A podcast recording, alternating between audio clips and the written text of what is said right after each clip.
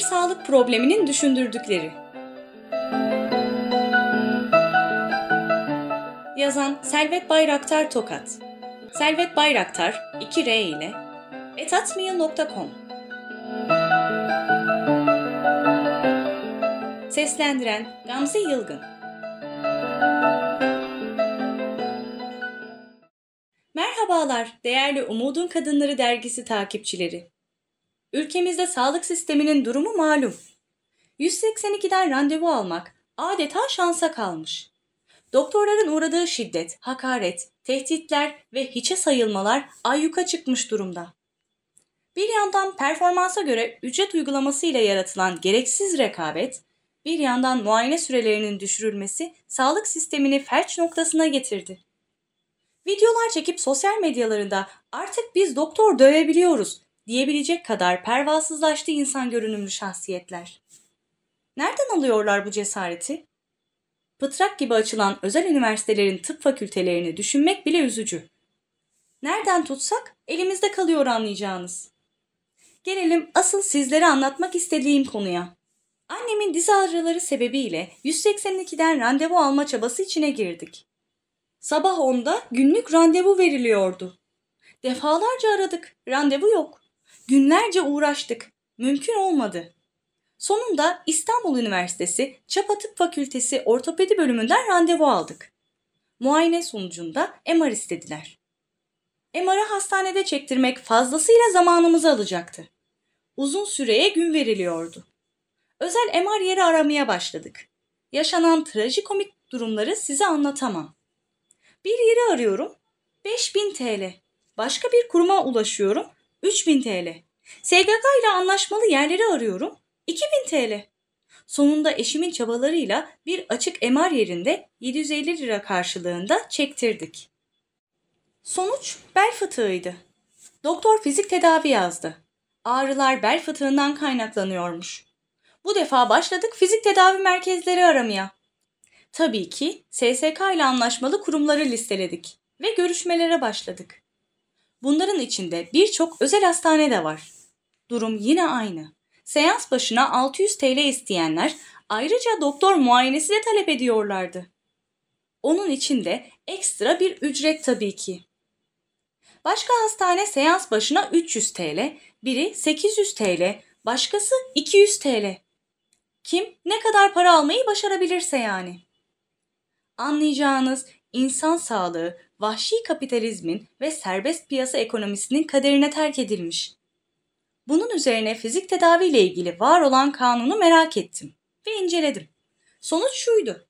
Devlet SSK ile anlaşması olan her özel hastaneye 30 seansa kadar fizik tedavi yapabilme fırsatı veriyordu.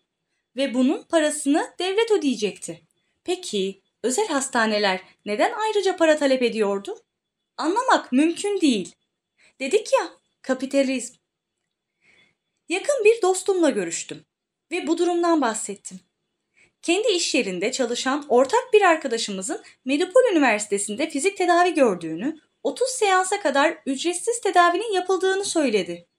Orayı hiç aramamıştım. Aklıma bile gelmemişti. Nasıl yani? Ben bir sürü hastane aradım.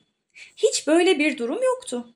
Bu hastane ücretsiz yapabiliyorken diğerleri birbirinden farklı fiyatları neden veriyordu? Hem devletten para alacaklar hem vatandaşı soyguna uğratacaklar. Oh ne güzel. Tereyağlı yumurta. 10 gün içinde yaşamış olduğumuz bu süreç bana çok farklı konularda sorgulamalar yaptırdı. Evet, ülkemizin ekonomisi kötü. Sağlık, eğitim, sosyal, politikalar, adalet memleketimizde beklentilerin çok çok altında. Peki insanlarımız? Neden bu kadar fırsatçılık var bu ülkede? Ev kiralarına fahiş zam yapan insanlar, bu yüksek kirayı ödeyemeyeceği için öfkelenip oturdukları evi yakan kişiler, birbirlerini öldüren kiracılar ya da ev sahipleri. Nereye gidiyoruz biz? İzmir Bayraklı'da kirası 1500 liradan 7500 liraya çıkarılan vatandaş iki çocuğunu almış 10 gündür ilçenin parklarında yatıyor. Devlet yönetimi, uygulanan politikalar halkı düşünür durumda değil. Bunun tersini iddia etmek de olanaksız. Peki insanlarımız? Marketteki ürünleri saklayan, zam gelmesini bekleyen, sonradan piyasaya süren mülk sahipleri. Neler oluyor ülkemizde? Nasıl çözülecek bu sorunlar? Gitgide insanlığımızı mı yitiriyoruz ne? Sadece bir partinin bu ülkeyi yönetmesiyle ilgili değil bence bu durum.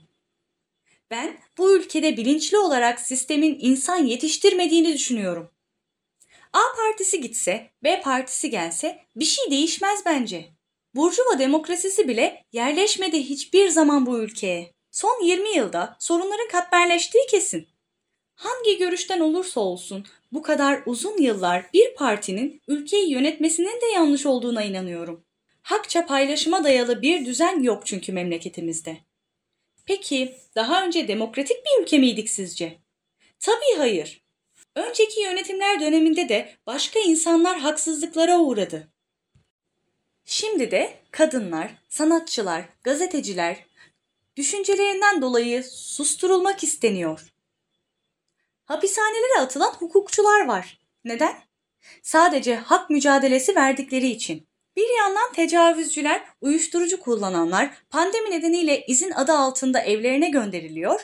Siyasi suçlular içeride bekliyor. Kabul edilebilir bir durum değil bu. Vicdanlar isyan ediyor. Demokrasi, insan hakları ve sosyalist mücadelesi vermek bu ülkede suç. Diğer suçları işlemek sıkıntı değil. Küçük bir örnek vermek istiyorum. Olay Bahçeli Evler Bağcılar Caddesi'nde meydana geldi. Serdar Taş iddiaya göre önce bir taksiciyle tartıştı. Taş o tartışmanın ardından yolda yürürken bu sefer de henüz öğrenilemeyen bir nedenle Ferhat Ceylan'la tartışmaya başladı. Tartışma kısa sürede kavgaya dönüştü. Serdar Taş belinden silahını çıkardı. Silahı gören Ferhat Ceylan taşın eline tekme attı. Yere düşen ikili bir süre kavga etti. Yaşanan arbede sırasında Serdar Taş, Ferhat Ceylan'a peş peşe ateş etti. Vücuduna isabet eden kurşunlar sebebiyle kanlar içinde kalan Ferhat Ceylan'ın yardımına çevredekiler koştu. Ağır yaralanan Ceylan, çevredekilerin yardımıyla hastaneye kaldırıldı. Ceylan yapılan tüm müdahalelere rağmen kurtarılamadı. Serdar Taş ise kayıplara karıştı. Polis şüphelinin yakalanması için çalışma başlattı. Kimdi peki bu Serdar Taş?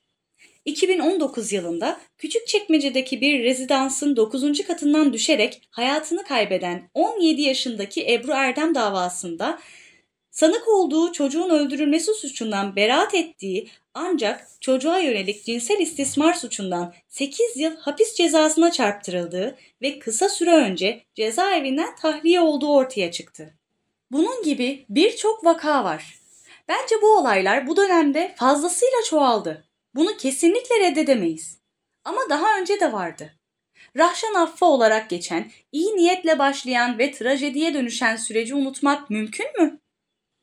Ülkemizdeki insanların hayata bakışı, çıkarcı yaklaşımları beni korkutuyor. Gelinen son ekonomik durum nedeniyle insanların birbirine tahammülü kalmadı. Aileler siyaset yüzünden birbirine giriyor.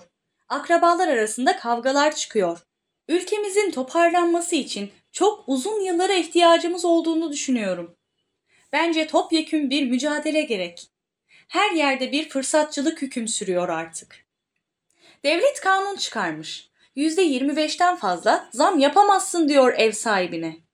Dinleyen var mı peki? Kiralara %100, %200, %300 zamlar yapılıyor. Kimse mahkemeye gitmiyor. Başvuruyu yapamıyor. Çünkü o evden çıktığı zaman depozitosuyla beraber bulacağı yeni evin kirası yapılacak zammı geçiyor.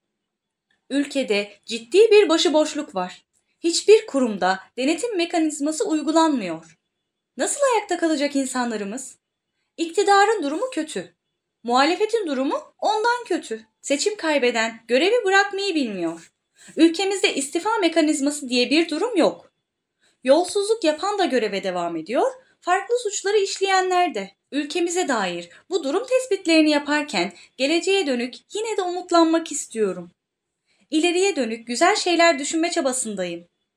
Kadınlar için, emekliler için, yaşlılar için, gençler için, engelliler için. Bütün yoksul halklar olarak dayanışma içine girmeliyiz. haklarımız için birlikte mücadele edebilmeliyiz. Siyasi görüşlerimizi önemsemeksizin sosyal, ekonomik, kadın hakları ve insan hakları alanında kazanımlar elde etmek için çabalamalıyız. Ve biz farklı görüşlerdeki insanlar önce birbirimizin haklarına saygı duymalı, haksızlığa uğrayan kişi hangi görüşte olursa olsun sessiz kalmamalıyız. Bugün bize dokunmayan bir yılanın yarınki hedefi biz olabiliriz çünkü. Haydi öyleyse. Durmaksızın sağlık, eğitim, adalet ve sosyal devlet olabilmek adına elde edebileceğimiz kazanımların mücadelesine girişmeye. 16 Ağustos 2023